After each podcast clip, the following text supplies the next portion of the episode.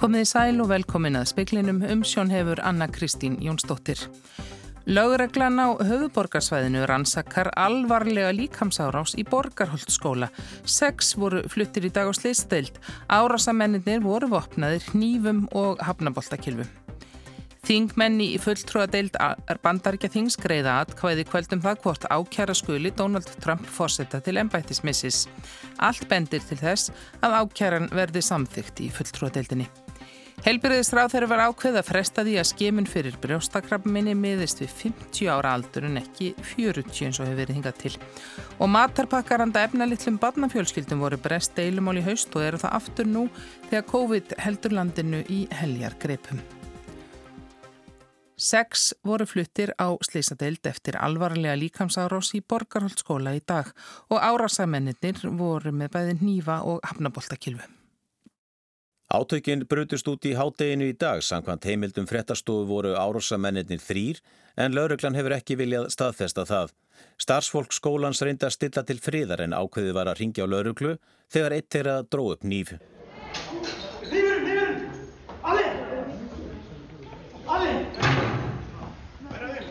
Lauruglan á höfuborgarsvæðinu á samt sérsveit ríkislauruglustjóra var með mikinn viðbúnað í og við skólan. Seks voru fluttir á slisadeild en þeir eru ekki með lífshættulega áverka. Rannsókn málsins er á frum stí og beinist meðal annars að því hverjir voru gerendur og hverjir þólendur. Eitt var leittur út í járnum úr Borgarholtskóla í dag en lauruglan vill þó ekki staðfesta að einhver hafi verið handekinn. Nefendum og starfsfólki skólans verður bóðið upp á áfallahjálp á morgun. Ársæl Guðmundsson skólameistari í Borgarholtskóla segir að árásamennir séu ekki nefendur við skólan. Já, við erum bara, við erum bara í áfalli, það er sagt. Þetta er, þetta er ekki eitthvað sem við þekkjum hér úr íslensku skólu. Við hefum heyrt að svona frá útlöndum. Við skólameistari höfum rætt þetta reyndar og metamálaráðunitið. Uh, og við bara saðilar til fjöld ára ef að svona kemur Íslandi, hvað gerum við, hvernig getum við komið í veg fyrir svona og, og, og svo sem verið að undirbúa eitthvað svona geti gerst en, en þetta er alltaf áfallega, þetta er allt í bara öllum óverum, brestur á sko. Sagði Ársæl Guðmundsson að höskuldur Kári Skram tók saman.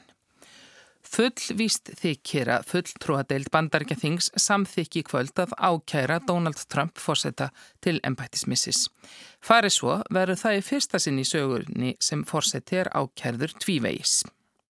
Demokrater í deildinni mæltu fyrir ákærunni eftir að Mike Pence var að fórseti varð ekki við bón þeirra um að virkja 2005. viðauka stjórnarskarárinnar til að koma fórsetanum frá vegna vanhæfis. Umræður hafa staðið yfir í dag og er búist við að hvaða greiðslu um klukkan 8 í kvöldað íslenskum tíma. Demokrater eru með meiri hluta í fullrúadeildinni. Fimm republikanar hafa líst fyrir yfir að þeir styðji að fórsetin verði ákærður en talið er að þeir geti orðið 10 til 20. Allt stefnir því í að málið verði samþygt og það verði sendt öldungadeildinni til meðferðar. Henni ber að efna til réttarhalds yfir fórsetanum. Tveir þriðju hlutar þingmanna þurfa að fallast á að fórsetin verði sviftur ennbætti. Hann lætur hvort sem er af því að viku liðinni og þar af liðandi kemur ekki til sviftingarinnar. Mitch McDonnell, leiðtói republikana í öldungadeildinni og lengst af einarður stuðningsmaður Trumps er þeirrar skoðunar að ákæra beri fórsetan ef marka ber frétt New York Times frá því í dag. Það geti orðið áhrifarík leið til að losa flokkin við áhrif Trumpismans sem hefur tröllriðið honum síðustu ár. Ásgeir Tómasson saði frá. Svandís Sváarstóttir helbriðisráð þeirra hefur ákveða fresta þeirri ákverðun að hefja skimun fyrir brjóstakrabmeini fyrst við 50 ára aldur, 10 árum síðar en nú er gert.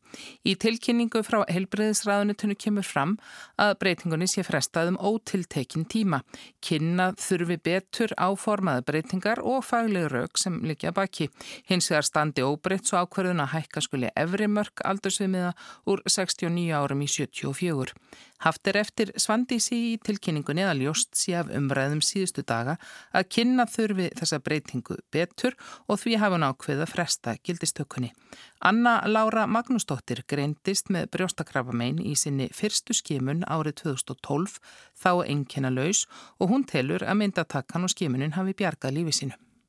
Ég var rétt ánum færtug, var að vera færtug. Ég átti þá á þeim tíma voru börnum mín fjagra, nýju og tólf og hérna, maður náttúrulega vissi svo sem ekkert fyrst, maður er bara sagt út með yllvitt krabba minn og við þurfum að taka þér hana brjóstið Það fyrir lífa meðferð og svo maður náttúrulega bara hjælt fyrst maður bara var að deyja.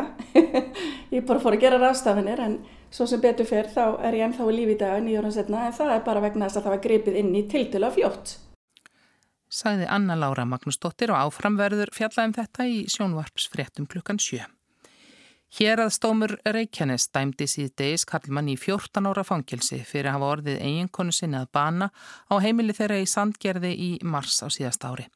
Maðurinn satt í gæsluvarðhaldi frá því hann var handtekinn í april og þar til landsréttur feldi það úr gildi í oktober. Vísaði dómurinn þá til niðurstöðu, dóm, niðurstöðu dómkvatara matsmanna sem tölda konan gæti hafa látist af öðrum öldum en köpnun við hálstak mannsins. Maðurinn var úrskurðaður aftur í gæsluvarðhald til fimm mánada í hérastóminu skömmu fyrir fréttir eftir að dómur fjall um sektans. Þórólfur Guðnarsson sótvarðarlækni segir að það hafi ekki áhrif á mögulega rannsókn livja framleiðandans fæsir hér á landi á áhrifum koronaveiru bólefnis þó að hluti þjóðarinnar hafi fengið bólefni frá öðrum framleiðanda, svo framarlega sem rannsóknin hefjist innan tíðar. Þórólfur segir ekki komið á reynd hvort af rannsókn fæsir verður, í dag var byrjað að bólusetja með bólefni frá móterna eins og staðinni núna skiptur ekki miklu máli vegna þetta er nú svo bara lítið hluti þjóðarinnar sem er bólusettur með bólefni Pfizer eða Moderna. Eða, eða væri hins vegar stór hluti þjóðarinnar orðin bólusettur með margskona bólefni þá Ég að við menn myndum kannski hugsa það að hvort það myndi svara þeim spurningum sem menn hafa um, um svona útbræta bólsetningu árangurinn af henni. Við erum ekki komin á þann stað en þá. Þóróli segir mikilvægt að fá svör frá Pfizer sem fyrst. Það þarf bara að skýrast en fyrst en við haldum bara okkar striki varðandi bólusetningu með þeim bólöfnum sem okkur bjóðast. Hefur eitthvað skýst með áframaldandi afhendingu bólöfnu til dæmis hvernig verður með Moderna eftir mars? Nei, við erum ekki búin að fá neina uh, afhendingar á allun korki frá Pfizer eða Moderna eftir mars. Saði Þórólfi Guðnarsson, Anna Lilja Þóristóttir talaði við hann. Vinstla í fristihúsi síldarvinnslunar á Seyðisfyrði hófst í dag í fyrsta sinn frá því að örskriða fjall í bænum skömmu fyrir jól.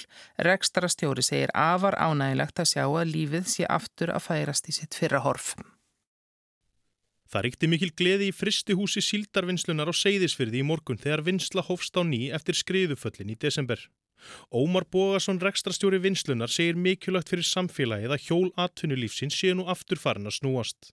Við reyndar erum að fara í gegnum skriðuna að keira til og frá vinnu. Þannig að við nýtum rúti, líka rúti í það, þannig að við séum ekki að fara á tímur sem eru, þú veist, óbelið, þannig að það gengur mjög vel, en svo erum við búin að að nota tíman núna fram með þessu til að, að ræða við fólk og fara yfir, yfir stöðun og það vissulega er þetta ekki búið. Við höfum með þá ágjör að leiði þetta til og frá vinnu.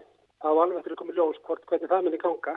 En hvernig er ég nú að ráöfni og nú að gera? Já, mjög, við erum mjög góðum málum. Það er gullur að vera að landa hérna í morgun og, og landuðum bara á okkar, okkar vennilega stað hérna í fiskvinnsluna og já, við erum bara, mér finnst þetta stundum eins og súkulæðarsmið, við erum alltaf með nóg ráöfni og, og, og við hefum ekki þetta ágjör því eftir að síldavistan tók yfir rekstu hér segðisri. Saði Ómar Bógason, Óðinsson tók saman. Samfélagstakmörkunum og sótvörnum var breytt í dag og meðal þess sem nú má er það að fullornir og börn mega æfa íþróttir en án snertingar. Þá eru hópæfingar lefiðar í líkamsaræktinni þó með takmörkunum. Bjarni Rúnarsson frettamöður tók fólk í líkamsarækt og bumbubolta tali í dag. Koma svo! Hei, koma svo! Er ekki kærkomið að komast í bolla? Jú, alveg algjör sko, algjör útráð fyrir skap og tæmur huga með að einbæta á törunni og hljópa, hleypur eins og anskotin um allan öll nema ég í þessu. Hvernig kemur hópurinn undan vetri? Þannig að hann bætti á þessu svolítið sko, náttúrulega hangi gjöti það, það er feitt og gott. Við verðum bara að fara varlega, menn ég er nú búinn að vera aðeins að hreða mér sjálfur en við verðum bara að fara varlega sjá hvernig landa liggur í þessu. Er ekki markaðan opinn í janúar? Þeir hljóta, þeir hljóta hafa samband. Það er ekkert sérlega gott veðri í dag, en það er auðvitað kærkomið að komast inn eða ekki? Það er mjög gott að fá að komast inn. Það er sumt að vera aldrei þreytt svona heima og þessi rók gungutúrar er líka alveg svolítið þreyttir. Þannig að þetta er mjög góð tilbreyting. Maður er ekki geta gert neitt og engi búin að vera til á landinu til þess að geta kipt sér, til þess að geta gert heim. Þannig að maður hefur bara þurft að býða. Þannig. Kærkomið? Þetta er mjög kærkomið. Hvernig er formið? Herðu, skulum segja að það er frekar liðlegt. Æði, frábært að komast eftir eftir langa byggð. Kjær komið. Heldur betur. Mér bara leiðis ég væri að fara á djammið. Og þarna rætti hann Bjarni við Marju Kristjánsdóttur, Gretu Bentsdóttur, Guðjón Holm Gunnarsson, Magnús Dan Bárðarsson og Flosa Helgason. COVID heldur Breitlandi í helja greipum en matarpakkar, bólusetning og hjólaferð forsættisráð þeirra ber líka á góma. Hugsum okkur matarpakka sem í er dós af bökuðum bönum, tvær kartöblur, tvær gulrætur, þrjú eppli, nokkrar ostneiðar, tveir bananar, tvær orkustangir, eitt niðursneitt brauð, svo liti pasta í poka, þrý litlir jógurtrykkir og einn tómatur. Þessi matarpakki á að duga í hátdeismat í viku fyrir eitt barn. Hvað er þetta að gera úr þessu? Jáfnveil sá sem er vanur að elda getur vart ímynda sér næringaríkan og ljúfengan mat úr þessum skamti. Líka af því þá ekki að þurfa að bæta neinu við til að útbúa máltíðurunum. Sagan af matarpakkanum snýst um aðstóð við efnalittlar fjölskyldur skólabarna. Breskir grunnskólanemendur fá hátdeismat og hann er ókeipis fyrir fjölskyldur undir ákveðnum tekjumörkum. Fyrir sumafríði fyrra tók fótboltastjarnan Markus Rassford upp málstað barna sem fá ókeipis skólamáltíðir. Vegna veiruharðindana ætti ríkistjórnin að tryggja þeim mat í fríinu. Eins og hann lísti í viðtali júni er hann sonur einstæðrar móður með fimm börn og það bjargað honum að fá ókipis mat í skólanum. This is all going on at a time where kids should be concentrating on schoolwork and it's just crazy to think that this, this is still going on at this, you know, we're in 2020 now and it's just something that I don't believe should be, should be happening. Þetta er í gangi þegar krakkar ætti að vera einbytta sér að náminu og þetta er enn svona alveg galið að svo sé, ætti ekki að gerast, sagði Rashford. Stjórnin tók ábendingunni. Í haust taldi ríkistjórnin óþarfi að halda þessum styrk áfram en leta á endanum undan þunganum af annari herrferð Rashfords sem treyði þá ókipis mat í fríum vetrarins. Styrkurinn var í formi matarmiða sem var hægt að framvisa í kjörbúðum. Í vetur vaknaði að grunur að foreldrar freistuðst kannski til að kaupa áfengi og síkarettur fyrir miðana.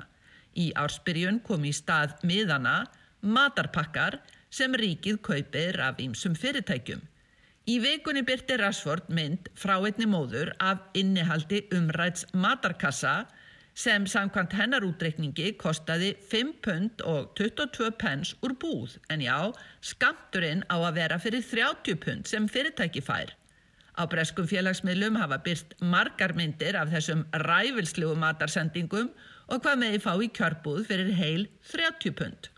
Fyrirtækið sem útvegaði áður nefndan matarkassa heitir Chartwells í eigu Compass Group sem var sektað um 18 miljónir bandaríkjadala 2012 fyrir að hafa svindlað á matarkassum til skóla í New York.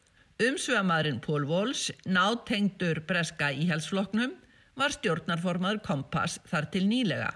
Málið kom upp í fyrirspurnatíma fórsætsráðra í þingjun í dag þar sem hann tók undir að sendingarnar væru skammarlegar og móðgun við fjölskyldurna sem fengi þær. Fyrirtækið hefði lofað endurgreðslu og hann var í þakklátur Markus Rashford fyrir að benda á þetta. They are appalling, they're an insult to the families uh, that have received them and I'm grateful by the way to Marcus Rashford. Matarkassa umræðan geysar meðan brettar melda hremmingar veirufaraldur sinns þar sem allar tölur eru með táar. Á sjúkrásum í London er nánast neyðar ástand þannig heyrði tíðindamaður speilsins af aldraðri konu sem lærbrotnaði á sjúkrási og átti þá að fara í sjúkrabíl á annað sjúkrahús. Hún beigð í 13 tíma eftir sjúkrabíl, tekur venjulega 5 minútur. Chris Whitty, landlagnir Englands, sæði í vikunni að næstu vikur yrðu þær erfiðustu í farsóttinni. The next few weeks are going to be uh, the worst weeks of this pandemic in terms of numbers into the NHS. Sankvamt áallun sem stjórnin byrt í vikunni á að vera búið að bólusetja 15 miljónir manna um miðjan februar og stemt á að bráðulega verði bólusetningamiðstöðvar opnar allan sólarhingin. En eins og fórsatsráþara sagði á mánudaginn, það versta væri ef góður árangur í bólusetningum gerði menn kærulöysa um farsóttina.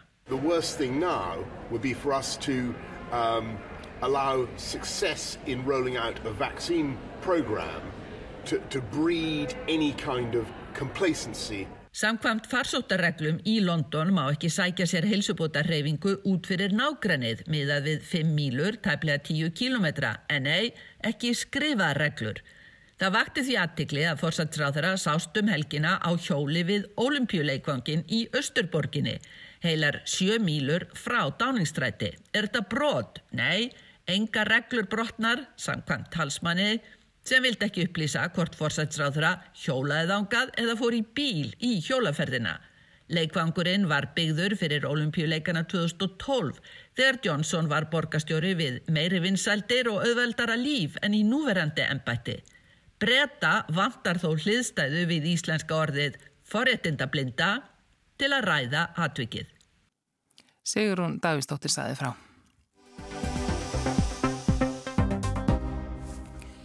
Í síðasta mánuði, miðan desember, lagði bankasísla ríkisins til við fjármálaráð þeirra að ríkið selji eigna hluti í Íslandsbanka og stefni á skráningu hluta í bankanum og verbreyðamarkaði innanlands og fjármálaráð þeirra segist nú stefnaða sölu í sömar. Það hefur nokkuð verið rætt um fyrirhugaða sölu síðustu daga og síni sitt hverjum og að svo síðaruð komnir þeir Viljum Þór Þórsson formaður fjárlega nefndar alþingis framsóknamaður og Lógi Einarsson formaður samfylkingarnar og ef ég byrja bara hjá þér viljum, þetta er náttúrulega, kemur svo sem kannski ekki þetta óvart því að þetta er eitthvað sem er búið að vera að tala um og hefur verið talað um alveg frá því stjórnar sáttmálan. Já, já, það er rétt og leiðið fyrir síðan þá og jáfnveg lengur og það stóð aldrei til þegar að við raunum veru eignumst uh, bankana hér sem svona viðbröð við efnaðarsunn og í stöðuleika samningum og, og á þeim tíma að þá höfum við kannski líka innhend eh, svona arð sem að eh, kannski umfram þær eh, eignir og væntingar sem að fólst í eignarsamlinu á sínum tíma sem að bankarnir fengu með afslætti og, og þannig að það, þetta hefur allar tíð leiði fyrir og það var ekki meðveitu stefna í raun og veru að, að, ríkið ætti svo stóran hlut sem raunber vitni í, í fjármálakerfinu og böngunum. En þetta er samt, eh, það sýnist nú sitt hverjum um tímasetninguna, það er kannski akkurat núna í svona efnahagslæð sem ekki bara hér heldur víðar í kringum okkur sem að menn telja að þetta sé kannski ekki nú sé að fáist ekki endilega besta verðið.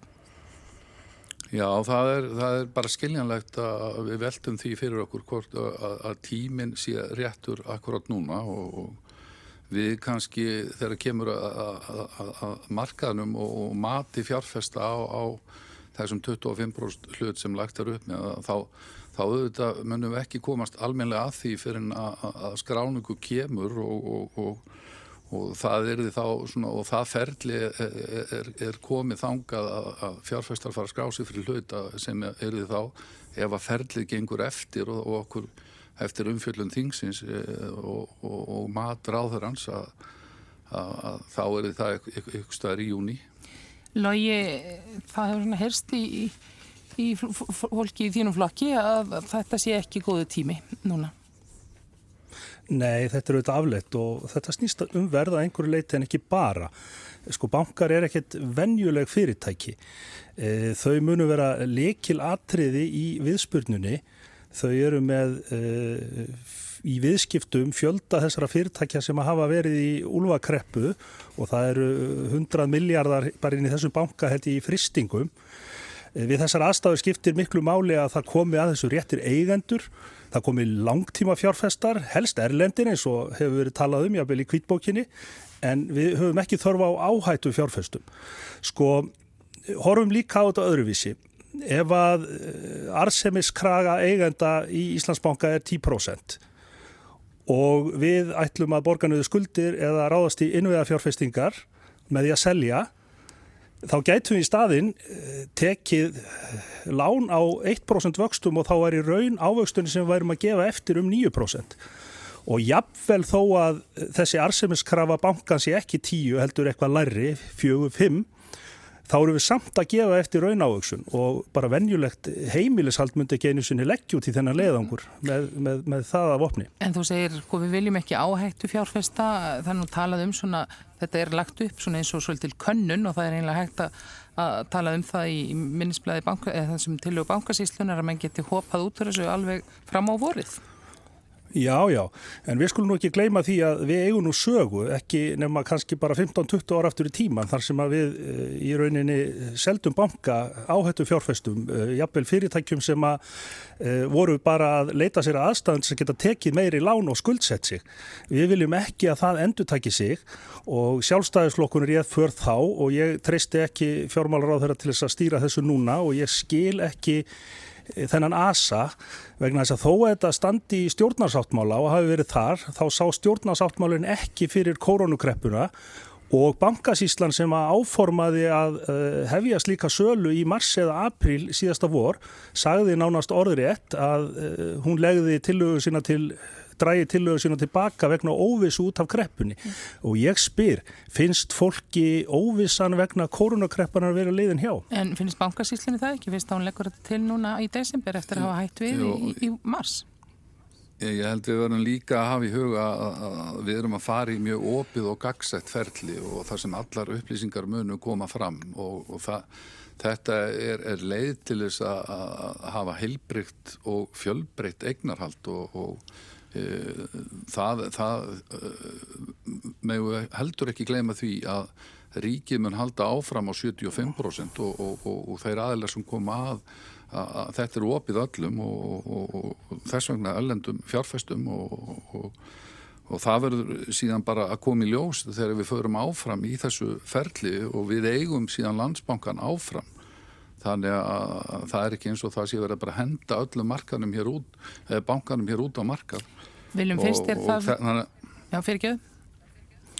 Já, þannig að þetta ferli er allt sko greift í, í, í lög og, og, og stiður mjög vel við, þar að segja að þetta ferli stiður mjög vel við öll viðmið lagan og það vil gleymast líka á sama tíma frá því í hrunu og maður skilur vel að tortrygnuna og við verðum að vanda okkur við þetta að þá hefur þetta eh, hafa úrbætur og umgjörð fjármálakerfisins sko, og regluverkið allt verið styrt mjög og við sjáum það til að mynda núna hvað bank, bankarnir í gegnum þetta þennan faraldur standa stert og hafa mikið, mikið afl til að mæta þessu og styðja við sína viðskiptafinni í gegnum þennan faraldur. En sko það er eins og mjög minni nú reyndar að, að orðin opin og gegnsæð hafi verið líka notuð síðast þegar selt og ég spyr núna þegar að fyrirtækin þegar að fyrirtækin í landinu þurfa gríðarlega á því að halda að þeim sé veitt hjálp og aðstóð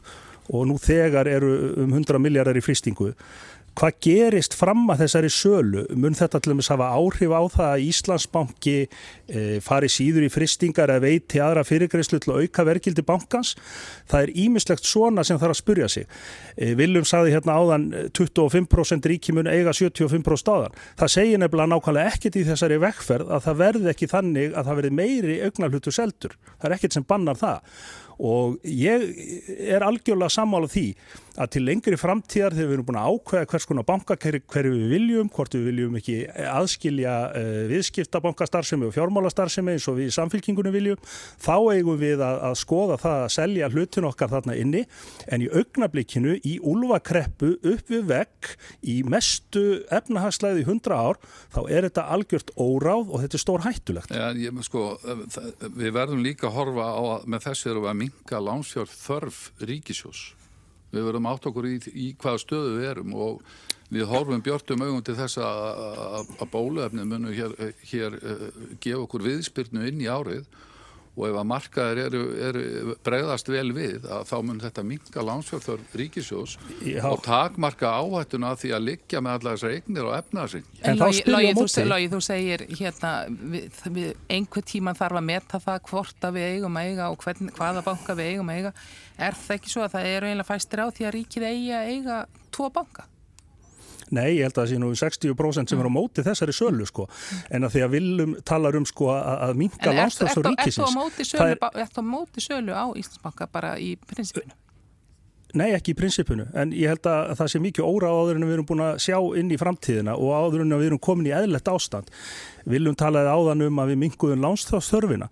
Ég var nú að benda á það áðan að það er í rauninni bara að vera að kasta peningum út um gluggan með því að takk ekki þá frekar Eh, til innveða fjárfestinga eh, lán á 1% vöxtum í, og í staðin fyrir að selja sagt, banka sem er með eh, arðsemiskröfu upp á mörg prósent. Þetta er mitt líki latriði að við þurfum fjölbreyttar í kosti þegar við erum að fjármagna okkur vegna þess að ef við ætlum að fara að demba þessu öllu út hér í formi ríkiskuldabrifa og ekki nýta þær eignir sem erum með bundnar í efnaðarsengi þá er ekkit sjálfgeð við höldum lágvaksta umhverfi sem er einmitt kjör aðstöður fyrir því að fara í svona vegferð. Það hafa allir bankar á, í nágranna löndum okkar, allir seglabankastjórar talað um það að það væri mjög mikil þörf á því og það er þið gert allt til þess að halda niður vöxtum hér á næstu árum í langan tíma til þess að örfa atvinnlífið. Og þarna og höfum við tækifæri umfram aðra því er... við erum með svo mikið bundið sem aðra þjóður eru ekki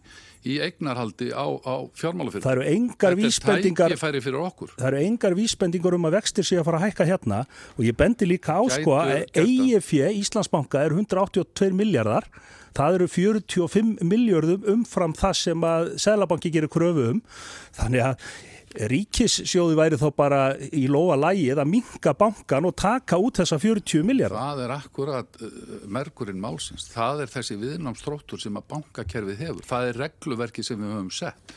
Þannig að eigin eigi, sko, fjár hlutvalli er 22% og krafan 17%. Já. Þannig að bankin hefur þetta, þennan kraft. Það, það er líka sterk lausafjárstaða. Þetta er alltaf líki ladri. Það, það gerist viljum, viljum, hverju, viljum, fyrir ekki það logi, viljum, hverju heldur þú að séu líklegir kaupendur? Ég vona að, sem, sem, að það verði bara sem fjölbreytastur kaupenda hópur og, og ég, það, það er vöndun á fjárfestingar tækifærum og, og, og við þurfum að dýfka þennan markað og í lágasta umhverfi þá er heldur ekkit hold að allt það fyrir leiti í fastegnir eða sé böndið í innlánum og, og, og rýrni þar, það setur aðra pressu á okkur þannig að þetta, þetta uh, talar bara mjög vel saman. En þú segir fjölbreyttir fjárfestinga hópur um hvað, í hvert þá vísa? Ég er að tala bara um uh, almenning og, og lífyrirsjóði og þá sem eru hér innanlands og vonandi ykkur ellenda fjárfesta en það, það, það verður bara tímin að leiði ljós. Lógi, hverju heldur þú að sé líklegir til þess að ég hef, ég hef ekki Já, ég hef ekki trú að við fáum erlenda fjárfæsta, ég menna fyrir því eru margar ástæður. Ég held nú reyndar að gjaldmiðlun okkar sé nú ekki hvetjandi fyrir erlenda bankastar hérna, eigendur að koma hingað e, í venjulega árferði en núna þegar algjör óvisa ríkir þá held ég að þau muni ekki koma. Ég held að aðstæður séu núna líklegar til þess að draga að eh, áhættu fjárfæsta sem við þurfum svo sannarlega ekki á að halda núna. Bankati standa ágætlega eins og viljum talað um áðan en það er fyrst og fremst vegna aðgerða Sæðlabankans og Ríkisjóðs en á sama tíma hafa bankapenningar sapnast upp í böngunum og þeir hafa ekki verið já, og þeir hafa ekki verið nógu döglegir til þess að veita fyrirtækjum þær lána fyrir greiðslur sem að þurfti á að halda núna. Mm. Nú, er, nú verður, við, kemur þingi saman í næstu viku og það er svona einhvern veginn finnst manni bera á því líklegt að þetta verði ábyrrandi og það er náttúrulega alveg fram til vorst til þess að hafa áhrif á hvernig þetta mun ganga.